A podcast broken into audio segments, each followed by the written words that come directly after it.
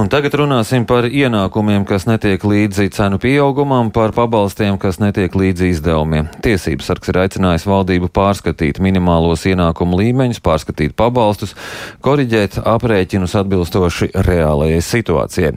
Lai runātu par šo tēmu, mūsu studijā labklājības ministrs Gats Eglīts. Labrīt! Labrīt!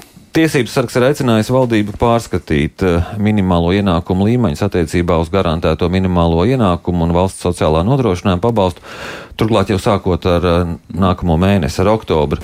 Uh, šī zināmā mērā aizejošā valdība par šiem jautājumiem domā? Uh, jā, pavisam noteikti. Un uh, jāsaka, varbūt arī paldies jau arī tiesību sargam un eh, satversmes tiesai, ka iepriekšējā reizē, kad eh, šie minimāli ienākumu sliekšņi tika eh, būtiski, būtiski palielināties, tas ir 2021. gads, 1. janvārs, kad minimālā pensija, sociālā nodrošināšanas, sociālās apdrošināšanas valsts pabalsts un GMI tika, tika būtiski palielināta. Nākamais solis, ko mēs Labklājības ministrija plānojam, un es ceru arī atbalstu valdībā, tad no 1 janvāra 23. gadā arī eh, veikt šo nākamo eh, cēlienu eh, vai kāpienu, kas būs svarīgi atzīmēt, ka tas nebūs skaitliskā izteiksmē, kāds ir 21. gadā, kam tika nofiksēti šie līmeņi, piemēram, gājumi 109 vai maznodrošinātā status 432, bet tie būs procentuāli no vidējiem mediāna ienākumiem. Tā kā mēs pie tā strādājam, un paldies tiesību sargam, kurš eh, šos jautājumus tā, eh, tur karstus. Eh, es esmu pārliecināts, ka mums, veidojot budžetu, nākamā gada budžetu, vēl aizējošajai valdībai izdosies arī iekļaut nepieciešamo finansējumu, lai mēs varētu realizēt šo minimālo ienākumu līmeņu reformu. No janvāra jau tā summa ir aptuveni 60 miljoni eiro.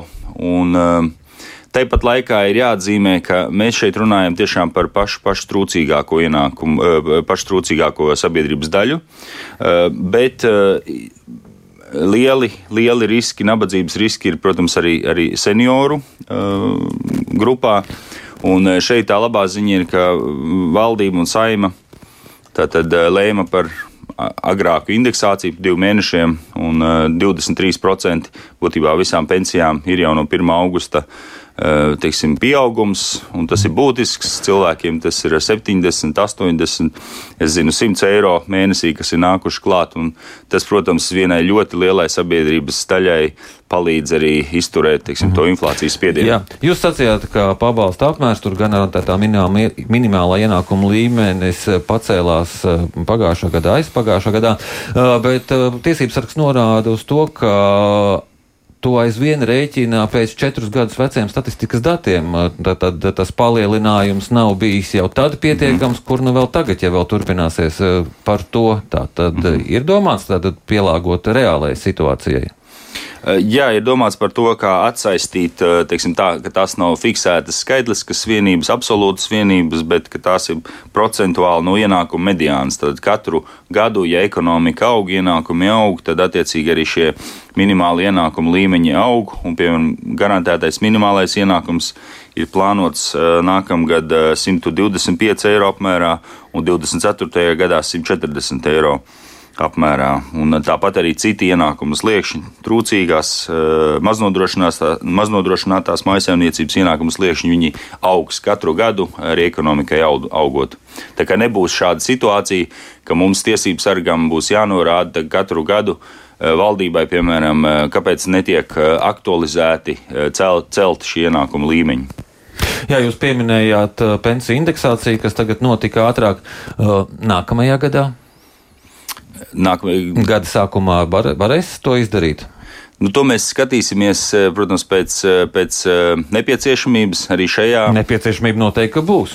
To mēs redzēsim. Jā, tā, tas nav izslēdzams, jo arī šogad būtībā tas lēmums indeksēt agrāk bija pieņemts tāpēc, lai, lai palīdzētu nu, senioriem ātrāk eh, tikt eh, galā teiksim, ar šo inflācijas spiedienu. Jo tiesības sargs aicina jau veikt šo darbu līdz ar 1. janvāru, neatliekot to uz 4 mēnešus vēlāk.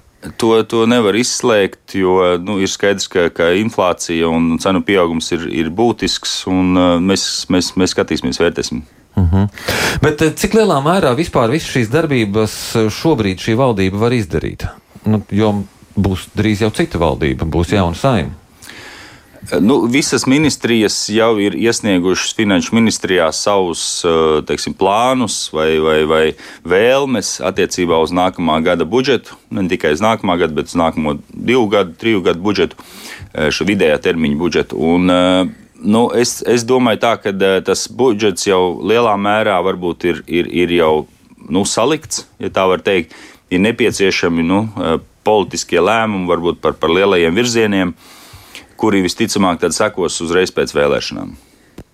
Un uh, budžets saistībā ar visiem šiem jautājumiem?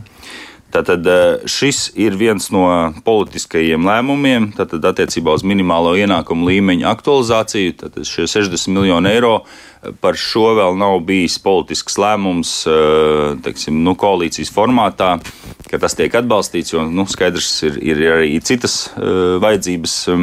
Um, valstī, gan mediķu algas, skolotāju algas, iekšlietu sistēmas darbinieku un tā tālāk. Bet e, šajā gadījumā es esmu teiksim, tā, pozitīvi noskaņots. Jo šī ir viena no prasībām minimālā ienākuma līmeņa ieviešana attiec, attiecībā no Eiropas komisijas, lai saņemtu atjaunošanas noturības fonda finansējumu.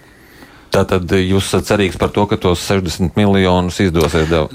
Nu, mums īsti nav variantu tā, no valsts puses, jo mēs esam devuši apņemšanos uh, Eiropas komisijai, Eiropas Savienībai, ka mēs šos uh, minimālos ienākumu līmeņus tomēr katru gadu automātiski aktualizēsim, jo nu, Eiropai, protams, ir svarīga arī šī cīņa pret nabadzību, un šeit mēs tiešām runājam par vistrūcīgāko sabiedrības daļu. Kā, nu, tur mums nav īsti daudz arī tās manevru iespējas. Uh, bet 60 miljoni tas ir tas, uh, ar to pietiek, lai nosaktu visas tās vajadzības, par kurām runā tiesības sargs. Uh, jā, lielā mērā es teiktu, ar to pietiek, jo tad tiek aktualizēti gan minimālās pensijas, invaliditātes, minimālās invaliditātes pensijas, sociālā, nodrošinā, sociālā nodrošinājuma pabalsts GMI, tad visi šie sliekšņi tiek būtiski pacelti. Un, uh, es domāju, ka viena liela, liela sabiedrības daļa tas, tas nu, palīdzēs šajos, šajos apstākļos. Mhm.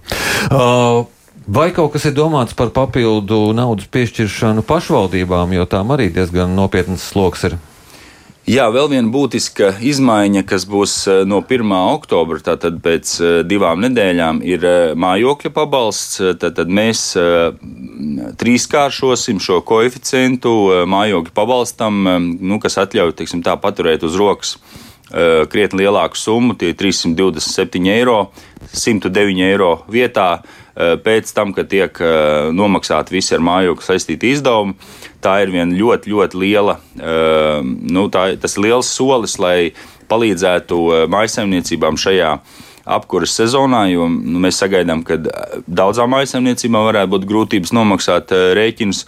Līdz ar to no 1. oktobra šis koeficients būs nevis viens, bet trīs. Un, protams, tas nozīmē arī sociālajiem dienestiem noteikti būs vairāk darba, jo būs vairāk iesniegumu no maisaimniecībām. Bet, eh, bet eh, mājokļu pabalsts tas ir efektīvs un mērķēts pabalsta veids. Mm.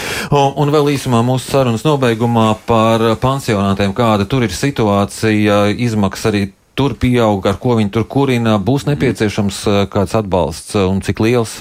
Eh, protams, eh, gan pansionātos, gan citos sociālās aprūpas centros eh, mēs novērojam būtisku energoresursu pieaugumu, un tuvākajā laikā es zinu, ka arī valdībā mums būs lēmums par to, kā kompensēt ne tikai sociālajiem sektoram, bet arī, arī izglītības, veselības, iekšlietu sektoram energoresursu pieaugumu. Man jāsaka jums paldies par šo sarunu. Atgādinu, ka mūsu studijā bija labklājības ministrs Gatis Eglīts no konservatīvajiem. Paldies! paldies.